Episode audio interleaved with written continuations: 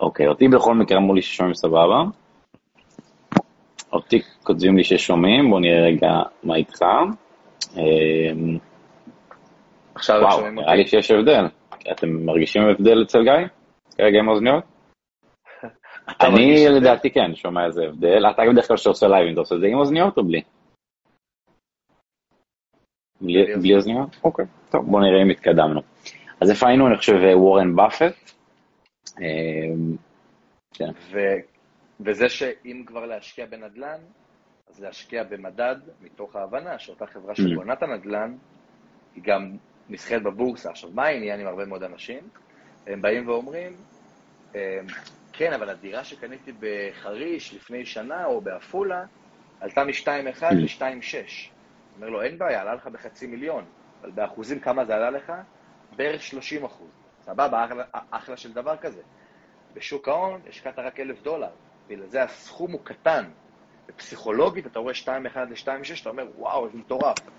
אבל קח את שוק ההון, ה-2.1 היה הולך ל-4.2, כאילו. פשוט אף אחד מבחינת פסיכולוגית לא ישקיע 2 מיליון במדד תל אביב אז בבניין. ב- בעצם, בעצם מה שאתה אומר זה. שהסיבה שאנשים לא עושים כסף במניות זה כי הם לא באמת נותנים מספיק כסף כדי שיהיה לו אימפקט כלשהו? זה בעצם מה שאתה אומר? הופה, יפה. הרבה אנשים לא עושים כסף במניות, כי המידע הזה הוא לא מונגש. אגב, כשאתה אומר מניות, אתה מדבר על ישראל, על ארצות הברית, על אירופה, או שילוב, או...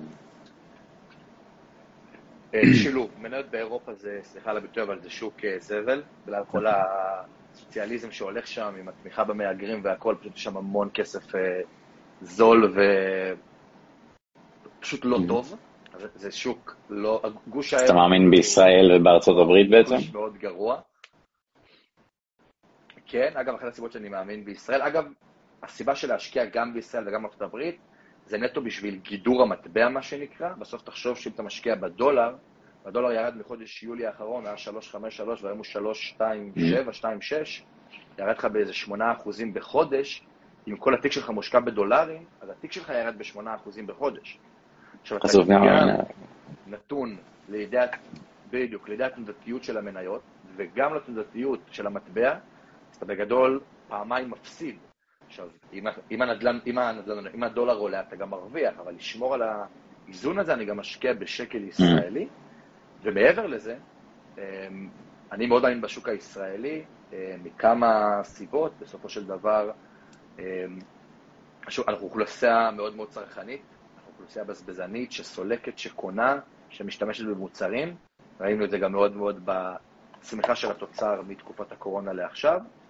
אה, ודבר שני, התפרסם נתון לפני שנה של בנק ישראל, שאומר, הכמות אה, כסף שמוחזק בחשבונות העו"ש של משקי בית במדינת ישראל, הוא שווה אה, בערך שלו לפי שלוש משווי השוק הישראלי. כשאני אומר שווי השוק הישראלי, זה כל? סך המניות בישראל.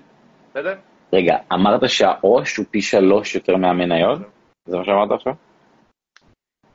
כן. נשמע לי הזוי. כן, בערך, אם אני לא טועה, שווי השוק הישראלי. הזוי, זה העניין. עכשיו, מה התזה אומרת? כשאני אומר העו"ש, זה מה שיש לאנשים בפקדונות בבנקים ובעובר ושב. אז לפי התיאוריה הזו, אה? אה, לפי התיאוריה הזו, אם יש לבן אדם. ממוצע 100 אלף שקל מניות, אז יש לו 300 אלף שקל בבנק. זה הממוצע כביכול. השאלה אם אין כמה אינדיבידואלים שמאוד מטים את הסקר הזה, שאולי יש להם במקרה איזה כמה מיליונים בבנק, ש... יפה. כן. אז תופתע, אבל הרבה חבר'ה שבאים אליי, פתאום באים אליי, פותחים את העובר ושב, גיא חצי מיליון, גיא 300 אלף. טוב, זה, זה לא רוב. האנשים בישראל, אולי, לא יודע, לא יודע כמה זה מקרים נפוצים, אה, ובטח שלא אצל צעירים. יפה, אז גם אני כן. הייתי, אז גם אני הייתי מופתע מזה, אבל מסתבר, ושאלתי הרבה מאוד אנשים, חבר'ה שמנהלים קרנות גידור, שעובדים בבתי השקעות, שזה נתון שגם אם הוא מוגזם כלפי מעלה, הוא אולי לא פי שלוש, אולי פי שתיים וחצי. כאילו, כמו שאמרת, יש 100 אלף בקרן פנסיה, יש לך 200 אלף, זה גם לא חייב להיות בעובר ושב, זה יכול להיות לך בפיקדון בבנק. אוקיי. אתה מבין? אותם אנשים שיש להם פיקדון בבנק, שעושה להם איזה תשואה של 0.01. עכשיו, התזה אומרת שמספיק שאותו כדור שלג, אותו קרחון, ינזול לשוק המניות הישראלי, למה? כי בסוף מספיק שאתה מעביר את הפנסיה שלך ממסלול כללי למנייתי, אז משקיעים בארץ, Mm. מניות, כסף נכנס לשוק, השוק יעלה, אז יש המון המון סיבות ותיאוריות למה אני מאמין וחושב שצריך להשקיע בשוק הישראלי, מעבר... כאילו, מה שאתה אומר זה כאילו האפסייד פוטנציאל של המניות בארץ, כי כאילו יש כסף שאמור לזרום לשם, זה בעצם מה שאתה אומר? בדיוק. Okay. אוקיי. מעבר לפוטנציאל של החברות עצמן, okay. אוקיי. שנמצאות פה בבורסה, גם אותו דבר ה upside בגלל הכמות כסף שמוזרם, ובאופן אוטומטי, אם כסף ייכנס לשוק ההון הוא יעלה, אמ, אז כן. עכשיו, זה לא חייב להיות בן אדם שפותח תיק השקעות ומשקיע בשוק הישראלי באופן אקטיבי. מספיק שהעברת את הפנסיה שלך ממסלול כללי למנייתי, או את הגמל להשקעה ממסלול אג"חי למסלול מנייתי, אתה כאילו זהו, השקעת בשוק הישראלי, גם אם תרצה, גם אם לא תרצה. נגיד בן אדם שיש לו איקס כסף, לא יודע, 100 אלף שקל, איך כדאי לחלק אותם בין ישראל לארה"ב?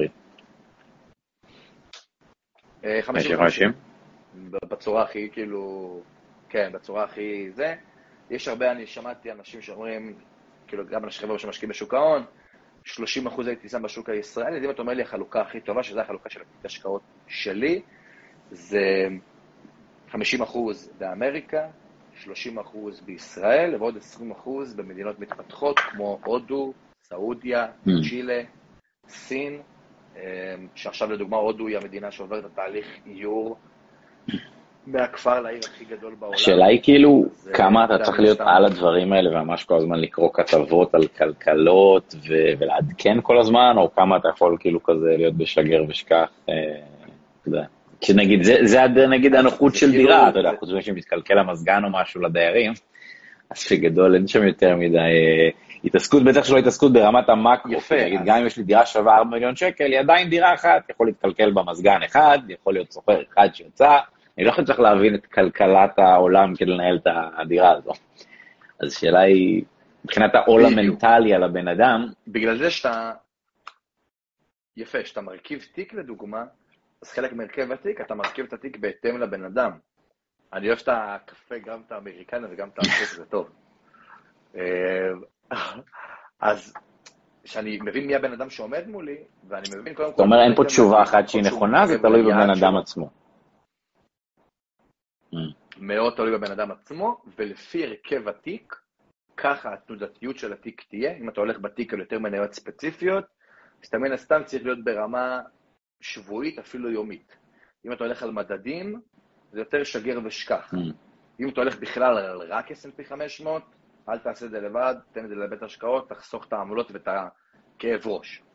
אמ, אז בגלל זה סופר אינדיבידואלי כלפי בן אדם, ובגלל זה אני גם תמיד אומר לאנשים שאתה יודע, אני מקבל הרבה שאלות ביום-יום באינסטגרם, גיא, יש לי הון של 80 אלף, מה לעשות איתם? אז, אז אם אתה מנסה לנתח רגע, לא יודע, סתם ממוצע של המאה שאלות האחרונות ששאלו אותך, מה השאלה שעולה הכי הרבה? יש לי איקס כסף, מה לעשות איתו, או מה אתה חושב על, או כן. מה, מה הדבר שחוזר הכי הרבה מה... שלוש שאלות הכי מרכזיות, זה הראשונה והכי פופולרית, גיא, יש לי איקס כסף, מה okay. אוקיי. לעשות איתו?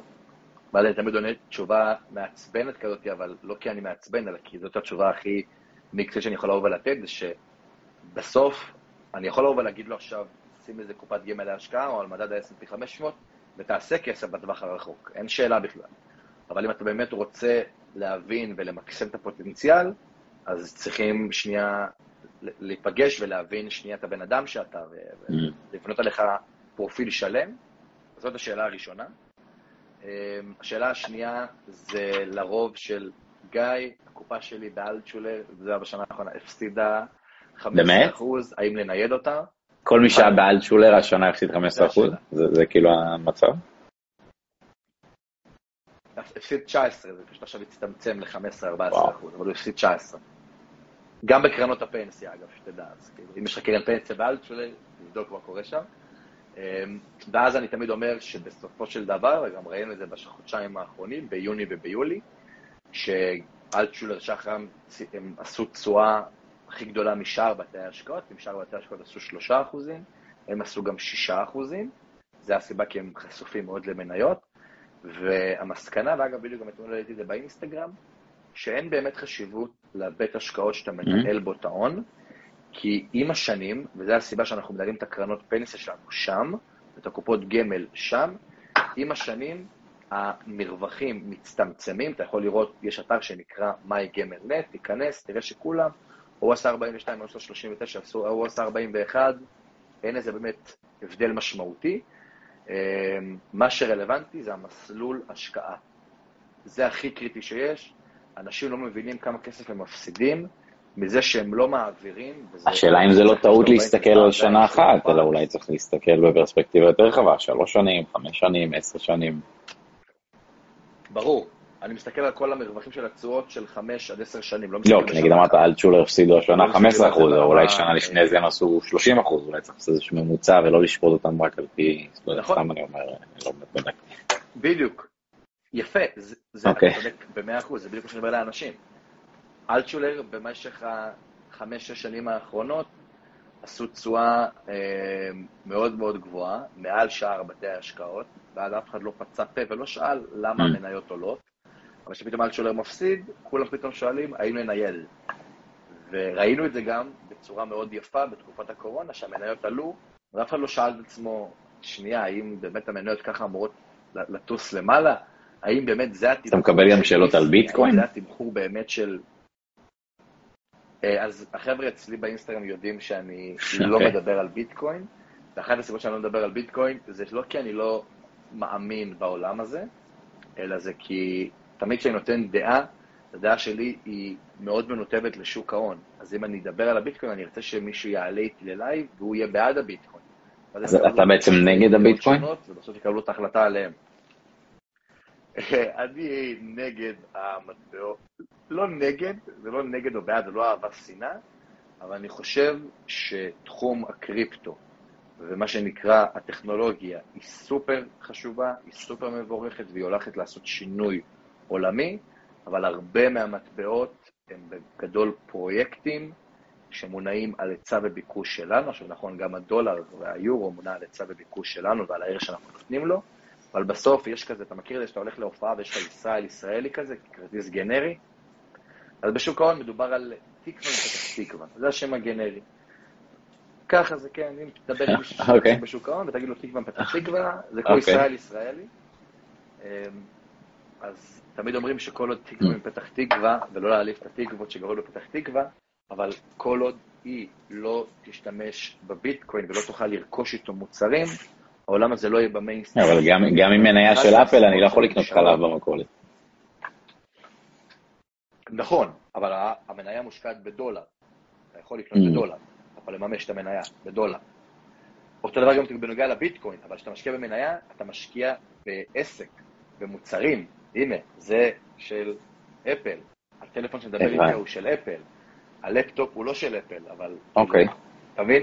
אז אתה משקיע במניה, פה אתה משקיע בפרויקט. אתה משקיע בגדול בתחושה של האנשים כלפי, במה שנקרא, בסנטימנט שהם נותנים כלפי mm. המטבע.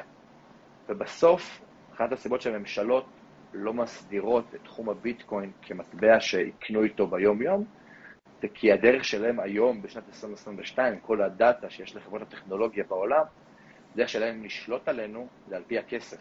כשאתה מעביר עכשיו, הנה, עכשיו אני השבוע ביצעתי העברה של דולרים מבנק הפועלים לחשבון שלי במיטב דש, בלי עכשיו איזה פרסום למיטב דש, אמ, והם שאלו אותי 15,000 שאלות, למה אתה מעביר את הדולרים, למה סכום כזה, לאיזה, לאיזה מטרה. למה? אפשר אבל, אפשר להעביר בשקלים, לא? מיטב דש זה בארץ. אה, לא, כן, אני ספציפית רציתי להעביר בדולרים, כדי, כי קניתי את הדולר בשעה שלוש... כאילו לא רצית להמיר אותו לשקלים כדי לא להפסיד, כאילו... אה. כן, כן, נטו חשיבה שלי. ואז שאלו מלא מלא שאלות, תחשוב שאתה סולק באשראי ושאתה מעביר כספים, אתה מקבל משכורת, זה הדרך שלהם לשלוט עליך. כל העניין של הביטקוין זה שלא ידעו מי העביר, לאן העביר. אה, והממשלות לא יסדירו את זה כמטבע רשמי של מדינה, רק מדינות מפוקפקות כאלה כמו אל סלבדור, ואתה יודע, mm. דברים הזויים כאלה. אז אם ללקוח יש 10 מיליון שקל, לא היית ממליץ שחלק מזה יהיה בביטקוין, זה מה שאתה אומר. אני יכול להגיד לך שמתוך ההון שלי, חמישה אחוזים נשמע בקריפטו. אה, אז אתה כן, זה נשמע כאילו אתה נגד, עכשיו זה נשמע כאילו אתה בעד חלקי.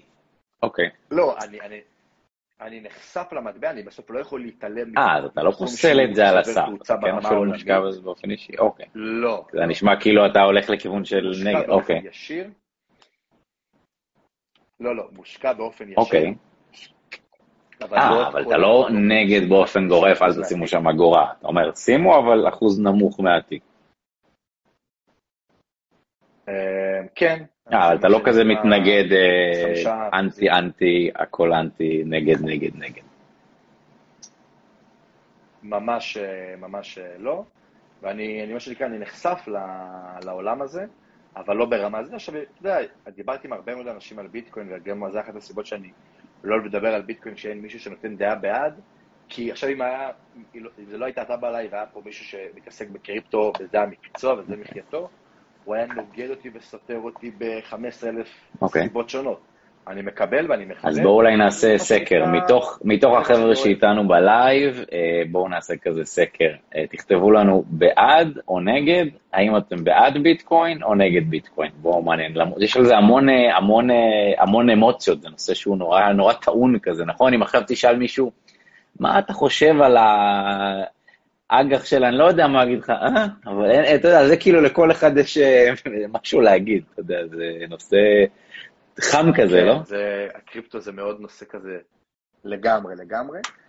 ובסוף, אה, אתה יודע, אנחנו אגב רואים שמדינות מתפתחות בעולם, סין וארצות הברית וגם ישראל, רוצות להשתמש בטכנולוגיה ורוצות להקים שקל דיגיטלי, דולר דיגיטלי, mm. יואן דיגיטלי, רוצות לבוא ולהקים. הטכנולוגיה של הבלוקצ'יין היא מאוד מאוד חיונית ומאוד תשפר את העולם, אה, אבל הקריפטו עצמו, אני לא אגיד, לא לכם, אני mm. מע"מ, כאילו, הפרויקט עצמו טוב, והביטקוין זה מטבע מעולה, אני יכול להגיד לך שאני רואה המון הרצאות ביוטיוב על אנשים שהם דווקא בעד הביטקוין, כי אחד הדברים שאני אוהב בעולם ההשקעות זה לקבל דעות mm. אליי, אז אני לומד מהם ומבין איך הם חושבים. אז בוא, בוא. אה, הכי קל לבוא ולהגיד אני נגד הביטקוין ולהיות... אה, אז בואו אולי ננסה רגע להבין, אה, קצת להיות יותר פרקטיים. אז אמרנו שטעות אחת שאנשים עושים זה שנגיד הם שמים 4 מיליון שקל על דירה ו-2,000 שקל על מניות. בעצם הטעות הראשונה זה לא לשים מספיק כסף כדי שיהיה בו טעם, כי אם ה-2,000 שקל יהפכו ל-4,000, אתה רק תתבאס שזה לא היה 2 מיליון שהפכו ל-4 מיליון. אז הטעות הראשונה זה אולי לא, לא להשקיע בכלל. הטעות השנייה זה אולי לא לשים מספיק. Uh, הטעות השלישית זה אולי לא לחלק נכון. נכון? אם זה נכון בגדול? זה בדיוק, זה גם העניין הזה של הרבה אנשים אומרים, טוב, יש לי 80 אלף, אני ישר אשים mm. בקופת גמל להשקעה. עכשיו, אין ספק שאם תשים בקופת גמל להשקעה, תרוויח כסף בטווח הרחוק, כן? כאילו, אין, אין על זה עוררין, זה כך קופת גמל ברגע שהיא נוצרה, עשתה כסף, אבל אם עשית 200 אלף והיית יכול לעשות 400 אלף, אז למה שלא תלמד בקצרה איך אתה תעשה, איך תמקסם ל-400 אלף, אתה מבין? זה המטרה. אוקיי. Okay. כי כסף אתה תעשה, תשים את הכסף בהש... עצם הרעיון של השקעה, בסדר? הוא מה שנקרא, הוא, הוא חיובי, והוא יעשה כסף. אבל אם עכשיו אני אומר לך, ניר, אם תלמד טיפה את התחום הזה, תיחשף אליו, במקום שתי שקל תעשה שלוש שקל. לא תלמד? אוקיי. זה העניין. פרקטית, כאילו, יש לי איקס כסף, מה, להשקיע דרך מיטב דש, דרך הבנק, איך כאילו פרקטית ממליץ? פרקטית, אז להשקיע אם כבר, אה, רק דרך לא דרך הבנק? ולא דרך אוקיי. הבנק, הבנק, לא, הבנק זה עמלות סופר יקרות, אלא אם מישהו איזה לקוח VIP mm. וקיבל עמלות זולות, כן, נדבר פה באופן כללי על האנשים. ברוקר זר, לא, כי אז אתה מתעסק עם כל העניין של ניכוי מס באופן עצמאי. אישית... זה כמו הכנסה שהכנסת מחו"ל בעצם? וגם... לא, לא, גם בארץ אתה צריך לעשות על זה מס של 25%. פשוט בארץ עושים לך את זה באופן אוקיי. אוטומטי. זה נקרא אוקיי. ניכוי מס במקור.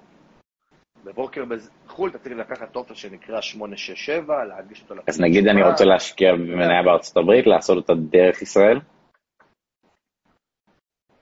כן, דרך ברוקר ישראלי, שזה מיטב דש, IBI, אקסלנס, כאילו יש המון בתי השקעות mm. שמציעים לבוא ולהשקיע דרכם, ואז אתה יכול להשקיע גם בארץ, גם בחו"ל, גם בהודו אתה יכול לבוא ולהשקיע, כאילו, זה לא שאם הברוקר ישראלי, אתה יכול להשקיע רק בישראל. אם בן אדם שיש לו כרגע עשרת אלפים אה, שקל אומר לך, טוב, אין טעם, כשיהיה לי מאה אלף אני אתחיל.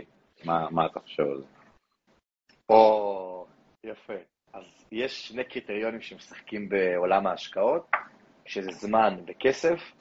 עכשיו, זמן הוא משאב, לצערנו, מוגבל, אי אפשר לייצר ממנו עוד, עבר, הוא לא חוזר, וכסף, תרבי ניתן... האמת שזה לא דווקא לגבי זה היה לי דיון על זה, הרי יש לך את כל הסוגיה הזו של הארכת תוחלת החיים. ואני אמרתי לעצמי, רגע, אם אנשים יחיו עד גיל אלף, יהיה נורא קל להתעשר. כי בין אם תשים כסף בדירה או בשוק ההון, עד גיל אלף אתה רק צריך 100 אלף שקל כדי שהם יהיו מיליונים, כי הרי זמן עובד לטובת המשקיע.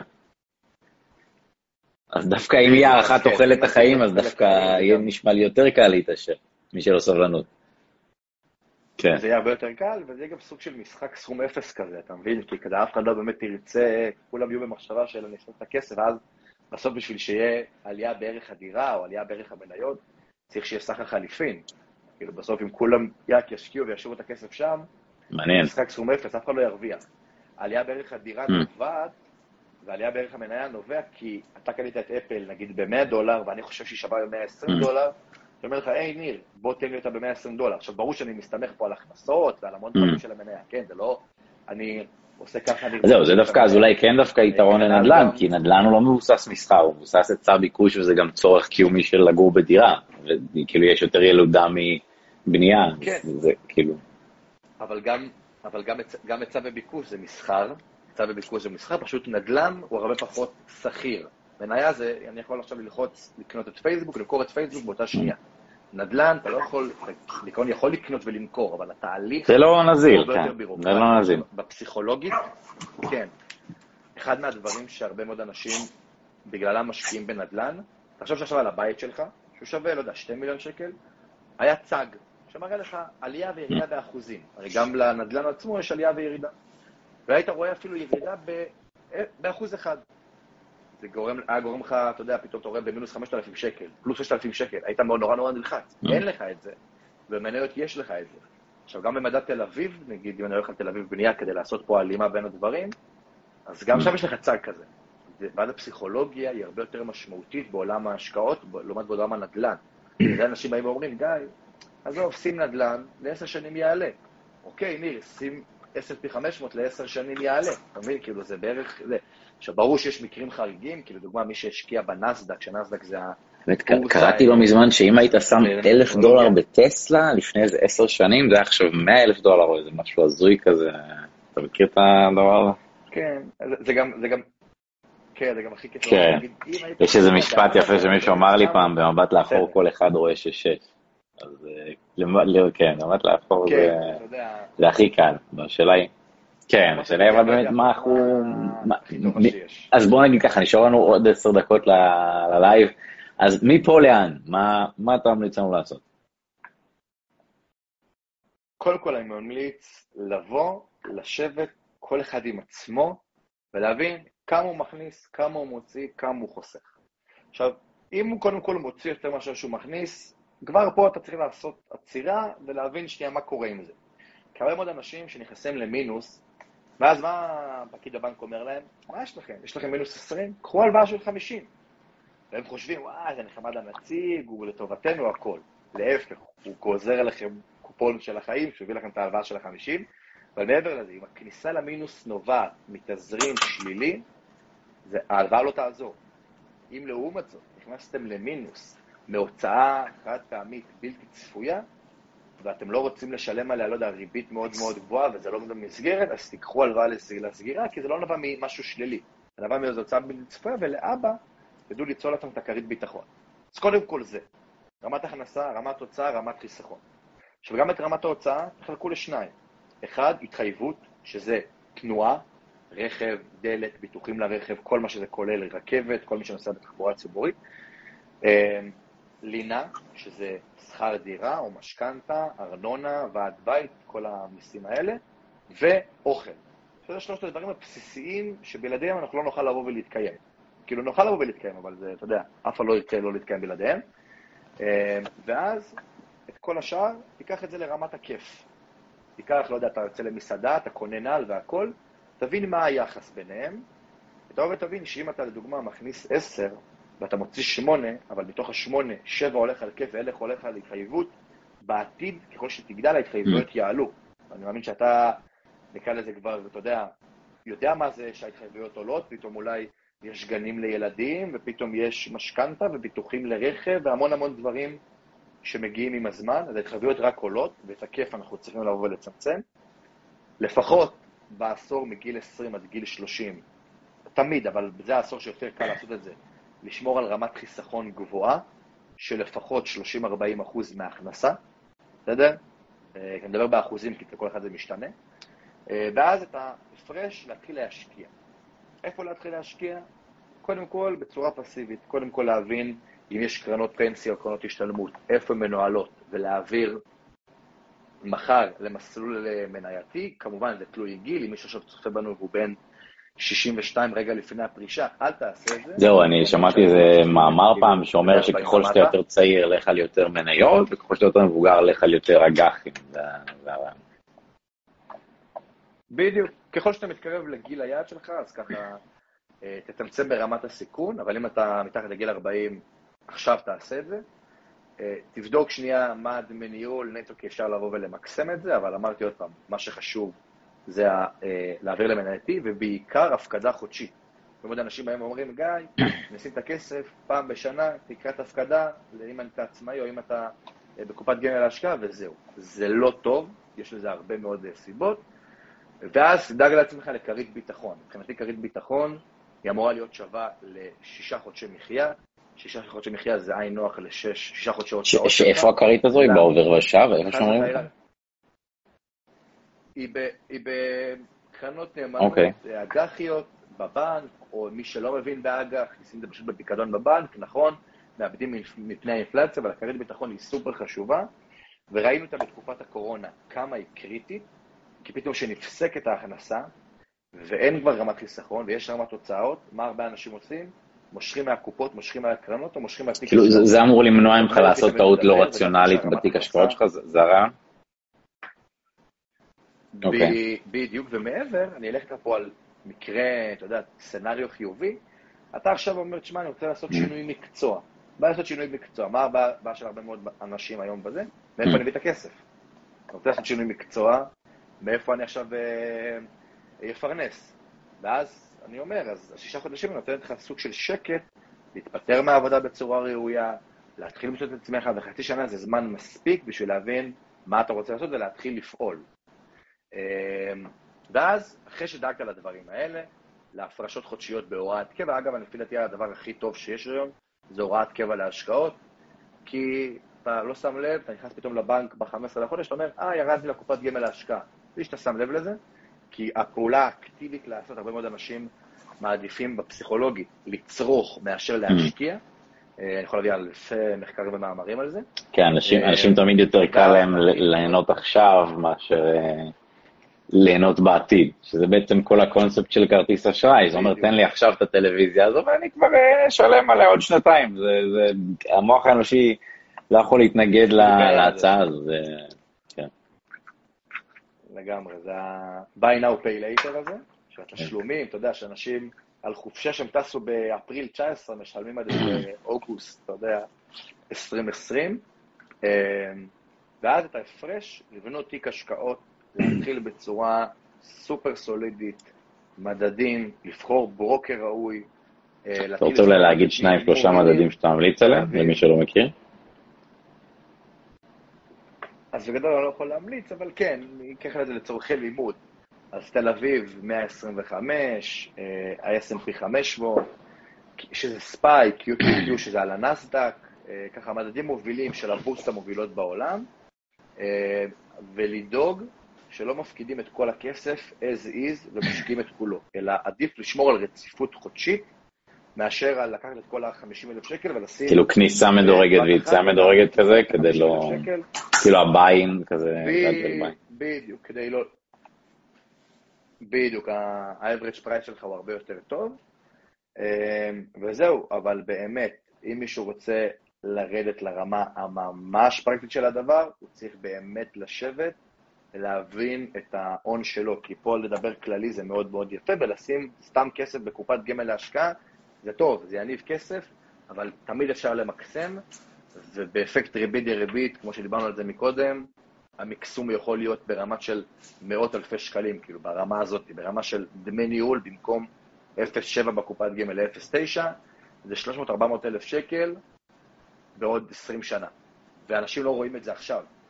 אבל אני יכול להגיד לך שבדיוק, עכשיו ישבתי עם ההורים שלי בדיוק השבוע על על כל העניין של הפנסיות, גמל השתלמות, ופתאום אני רואה שהקרן השתלמות של אמא שלי בכללי כאילו כבר איזה 40 שנה מסלול כללי ולא מנייתי, אז אמרתי, טוב, אז בוא נעביר למנייתי, אני אומר, אבל אם אני שאני יוצאת לפנסיה. מה, כללי זה אג"חים? לא מה זה אומר כללי? כללי זה תכלס לפי גיל, אבל רובו אה, מושקע אה, באג"חים. לרוב זה בדרך כלל 70 אה, סיכון נמוך, 30 סיכון גבוה. זה לרוב כאילו הכללי, אבל זה מאוד מאוד תלוי בית השקעות. וכן, ואז אני אומר, חבר'ה, תתעוררו עכשיו, כי מתי אנשים מתעוררים, וזה ככה הנקודת סיכום שלי לפחות, מתי אנשים מתעוררים, שהם, תחשוב שהיום בן אדם שמקבל משכורת, הוא מקבל משכורת והוא מפרנס את עצמו. ברגע שיש ילדים, הוא מפרנס עוד נפש. כשהנפש הזאת היא גדלה לפחות עד גיל 18, היא תלויה בו. וככל שהיא גדלה, ההוצאות גדלות.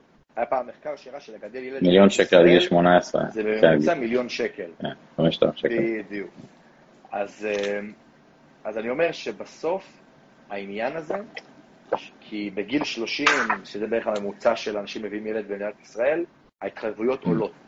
ואז זה לא שאי אפשר, אבל זה הרבה יותר מאתגר להתחיל להשקיע, לחסוך ולבנות את ההון הפיננסי. לכן, גיל 20 עד גיל 30 או לחלוטין... כן, יש עוד ציטוט של וורן באפט, אני אוהב אותו, הוא אומר, הזמן הכי טוב לנטוע עץ הוא לפני 20 שנה, הזמן השני הכי טוב הוא עכשיו. כן. יפה, זה בדיוק, אז תמיד אפשר להשקיע, עדיף מאוחר מאשר אף פעם, בדיוק לפני שהייתי פה ללייב, וניהלתי אה, שיחה עם אה, בן אדם בן 56, כאילו, שפתאום... אה, שהוא רק עכשיו מתחיל? עכשיו, הוא אומר לי, כן, הוא אומר לי, תשמע, גיא, מה אתה אומר על הזמן? אמרתי לו, הייתי את האמת, הייתי אומר לך איפה היית לפני 30 שנה. אני לא הייתי כאן לפני 30 שנה, אבל יש כמוני עשרות. אמ, אבל כאילו בסוף, עדיף מאוחר מאשר אף פעם, אבל עדיף בגיל כמה ש... כמו שאמרת, עדיף לפני 20 שנה, אבל אם לא נתת את העץ לפני 20 שנה, פשוט וורן באפט תמיד אומר את זה יותר טוב מאיתנו. כן, מי, ש, מי שהיום יושב אה, תחת הצל, לפני 20 שנה, הוא, הוא או מישהו אחר נתן בשבילו את העץ. כן, קראתי איזה כמה ספרים שלו, יש לו אחלה חוכמת חיים. ואגב, אני אגיד לך, אני לך עוד משהו, הרבה הורים צעירים שבאים אליי, אז אני אומר, בסוף, מה הפחד של הרבה הורים צעירים? שהילד שלהם ישתחרר מהצבא, ולא יהיה להם הון להביא לו. כאילו, לא יהיה להם הון לתת לו. נכון? זה הפחד. מה, אני רוצה להביא לו ללימודים, לדירה, לחתונה, אין גם לתת לו. אז אני אומר לו, אחי, פתח קופת גמל להשקעה, 300 שקל בחודש, לא איזה סכום גדול, ויתרת על המסעדה, קנית פחות נעל, יש לך את ה-300 שקל האלה בחודש, יש לך שלושה ילדים, 900 שקל, שבתכנון פיננסי נכון, אפשר להגיע לזה. אמ, שים את זה במסלול מנייתי קופת גמל להשקעה שעושה לך בממוצע 9% בשנה. אותו ילד או ילדה השתחררו בגיל 21 מהצבא עם הון של 222 אלף שקל. עכשיו, ברור שצריך לשלם על זה מס רווחי הון, ואז אני אומר פה, חבר'ה, אם אתם צריכים, ויש לכם כבר אוריינות פיננסית, תיקחו הלוואה כנגד הקופה, בפריים מינוס חצי, ואז כבר אני נכנס פה ממש לפרקטיקה, אבל בגדול, גם אם אתם, לא אין לכם אוריינות פיננסית, תשלמו על ההפרש שהפקדתם 72, צברתם באזור ה-150, תשלמו על ה-150 25 אחוז, עדיין יהיה לאותו ילד או ילדה באזור ה-180 אלף פטור ממס להתחיל את החיים, וזה 300 שקל בחודש. כאילו, לא דיברתי איתך פה עכשיו על אה, עשרות אלפי שקלים, וכמו שאמרת, ואמרת את זה בצורה הכי טובה, אנשים רוצים עכשיו, אתה יודע כמה אנשים אני מדבר איתם, אמרו לי, גיא, אבל עזוב אותי עוד 15 שנה, מה, עכשיו אתה מדבר איתי לשם? בא לי עכשיו ללכת למסעדה. בסוף בשביל להגיע להצלחה פיננסית צריך להקריב דברים, כאילו אפשר ליהנות מכל העולמות, גם פה. אתה מכיר את אה, מבחן המרשמלו שעשו בפסיכולוגיה? יש לי, כן. כן, יש לי איזה בדיוק פוסט שהעליתי בזמנו לאינסטגרם, שבדיוק מסביר את זה, על אותם חבר'ה שאומרים, אני רוצה כאן ועכשיו. חכה שנייה. תבוא ותחכה, תרוויח הרבה יותר מזה בעוד כמה, כמה שנים, אבל אני חושב שאותו שיחה כזאת שעשינו, שאגב, אני חושב שמי שצופה בה היא מלמדת בצורה לא נורמלית, זה שיעור שצריך להעביר היום לבני נוער בגיל 16 במערכת החינוך. כי אם היום כל בן אדם ידע את הדבר הזה, אז הפערים החברתיים והכלכליים יצטמצמו. Mm. אמ, ואחת הסיבות שככה, בלי שום קשר למשהו פוליטי וזה, ואחת הסיבות שהמדינה, ולא משנה מי עומד בראשה, אף מדינה לא באה ועשתה את זה, זה כי בסוף אם אנשים ידעו להתנהל פיננסית, לא יהיו לך את העובדים שעובדים מ-8 עד 6 בשביל משכורת זעומה של שכר המינימום. שאני אומר פה משפט שהוא סופר כביכול קשה וככה להגיד את האמת בפנים, אבל זה באמת נכון, אם אנשים ידעו איך להתנהל פיננסית בצורה נכונה, אף בן אדם לא יעבוד מ-9 עד 6 כל יום בשבוע, לפעמים גם זה כולל שישי, בשביל משכורת זעומה שנעה בין, לא יודע, שכר המינימום לכמה מאות או אלפי שקלים מעל. אמ, ובסוף המשק תלוי בעובדים האלה. כאילו, בלי אותם אנשים, המשק לא באמת יוכל לבוא ולהתקיים. אני יכול להביא פה המון המון דוגמאות לאנשים שעליהם בנוי אה, המשק, אבל זה כבר פסיכולוגיה, מה שנקרא כלכלה התנהגותית וחברתית והכול, זה תחום שאני היום לומד אותו בצורה... קורא דן אריאלי? עשיתי איתו... אז ספציפית דן אריאלי מאז אותו אירוע עם אה. ניסוי, אז אה, כן, אתה אוקיי. יודע, פחות, אבל... עשיתי איתו רעיון לפני איזה עשר שנים, כן. כן, בלי שום קשר. כן, יש לך אחר כך, כן. אז, אז אני לא ממש מוטה על האירוע שקרה, אבל כן, ממש לומד את התחום הזה, כי זה תחום שבסוף משפיע עלינו בחיי היום-יום, ואני חושב ש... באתי, אני אסכם לפני רבע שעה ואני ממשיך, אבל בגדול, אני חושב שעולם הפיננסי והמצב הפיננסי של כל בן אדם משפיע עליו בהמון המון תחומים, בין אם זה בזוגיות ובעבודה שהוא בא ובוחר לבוא ולהיות, ובבריאות שלו ובהמון המון אה, תחומים. והפחד שלי, שהיה לפני ארבע שנים, שמעתי לעצמי, אני לא רוצה להגיע לשם, זה שאני לא רוצה לשבת בגיל 50-40 על הספה ולהגיד, יא, איזה באסה שלא עשיתי, איזה באסה שלא ניסיתי, איזה באסה שלא ניסיתי. ואני חושב שזה מה שגורם לי כל יום כאילו באמת לזנק מהמיטה ולקום, כי אני כאילו אומר, וואלה, באנו לפה פעם אחת, כאילו, בוא, בוא נמקסם. רגע, אז מה, לא מה, מה, מה הנקודת כאב שלך, שכאילו בגיל 50 לא תהיה לך הכנסה פסיבית? זה, זה כאילו ה...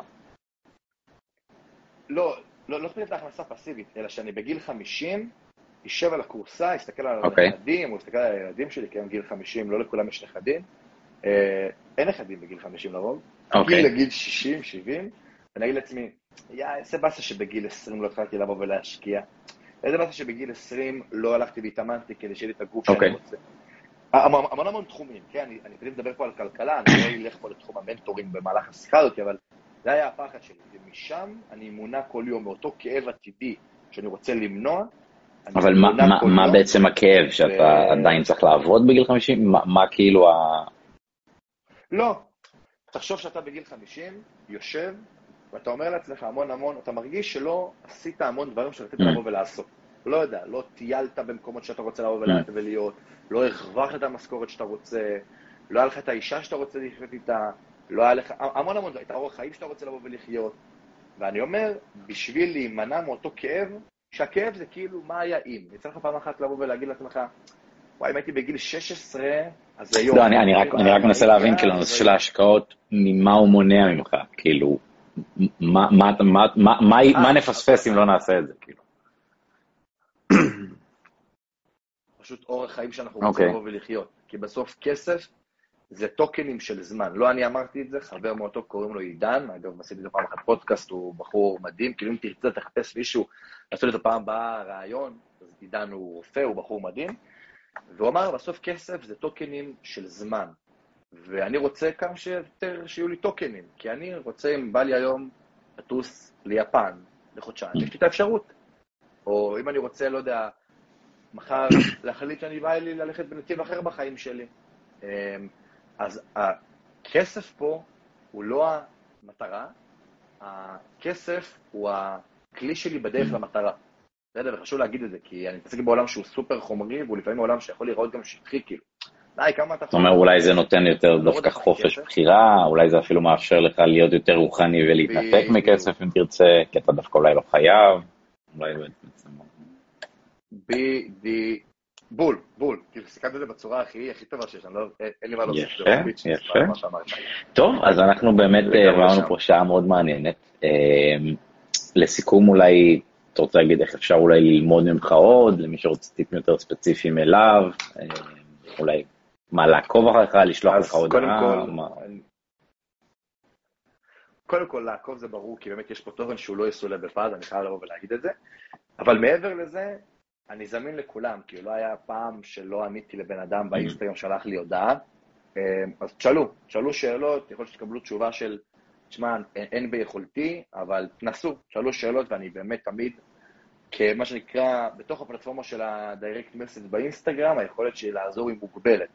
אבל קרה לי כבר לא פעם ולא פעמיים שחבר'ה אמרו לי, תשמע גיא, יש לי אני מרים עליך צלצול, לא, הם לא לקוחות ולא שום דבר, דיברתי איתם שעה על איזה נושא שהם באו ורצו, כי באמת הסיבה שהגעתי לעולם המדיה זה להעביר את התוכן הזה הלאה. אני מרגיש שאני צינור של ידע שמטרתו להעביר את הידע הזה הלאה, ואם אני אשאיר אותו אצלי, אני אגואיסט. וזו הסיבה שאני עולה ללייבים כל יום. כל יום עושה לייב? כל יום? עושה הרצאות בצבא. וואו. כן, עכשיו בשבוע האחרון, שבוע שעבר לא, כי היה לי עומס של פגישות, אבל אה, אני כל ש... בשבוע בין שלושה לארבעה לייבים. אה, כל לייב זה חצי שעה. יפה שלא נגמר לך מה להגיד. אה, כנראה יש לך הרבה מידע. לא, אז פשוט... אה, כל יום קורה משהו, נכון. כל יום מדבר על הדברים שקורים בו. כן, אז זה סבבה, אני לא מדבר על עצמי כל הזה. וזהו, ופשוט כאילו... תתחילו, תתחילו לעשות, כאילו, יש משפט שאני תמיד כשאני בא להגיד אותו ב live, אני לא זוכר איך התחביר שלו הולך, אבל זה מה שאני אחרי זה אעלה אותו גם בסטורי, כי אני חייב להעלות אותו כבר, אה, זה שאתה, מה שנקרא, אתה אף פעם לא תהיה מצוין אם לא תתחיל, אבל בשביל להיות מצוין אתה חייב להתחיל. באנגלית זה תמיד נשמע הרבה יותר טוב. אה, כן, כן, מכיר, כן. אה, משהו, זה כמו כזה winners never quit and quitters never win, משהו בכיוון, כן. בדיוק. כזה, אבל זה באמת נכון, כאילו, ברור שאני לא אתחיל ואני ישר אהיה מצוין, אבל אם אני לעולם לא אתחיל, אני לעולם לא אהיה מצוין. כאילו. גם מסע של אלף מייל מתחיל בצעד אחד. כן, אני יכול לזרוק פה קלישאות ולהמשיך את הלייב הזה ב-24 שעות בשביל אותו נושא והמון המון קלישאות, אבל באמת, פשוט, פשוט תתחילו. פשוט תתחילו לעשות את הדברים, תתחילו, במקרה שלי, תתחילו להשפיע. יפה, אז אני אעלה את ההקלטה אה, לפיד שלי, או גם לפיד שלך, מי שירצה לראות את ההקלטה עוד פעם. אה, וחוץ מזה, גם אמרנו שמי שרוצה עצות שהן יותר אישיות אליו, פחות כלליות, אז אפשר לעקוב אחריך באינסטגרם, אפשר לשלוח לך אה, הודעה, ומי שמעניין אותו גם שיווק המכירות, אז מוזמן גם לעקוב אחריי, וזהו להיום. תודה שהיית, תודה לעשרות, או אני לא זוכר בדיוק כמה חבר'ה שהיו פה. תודה רבה.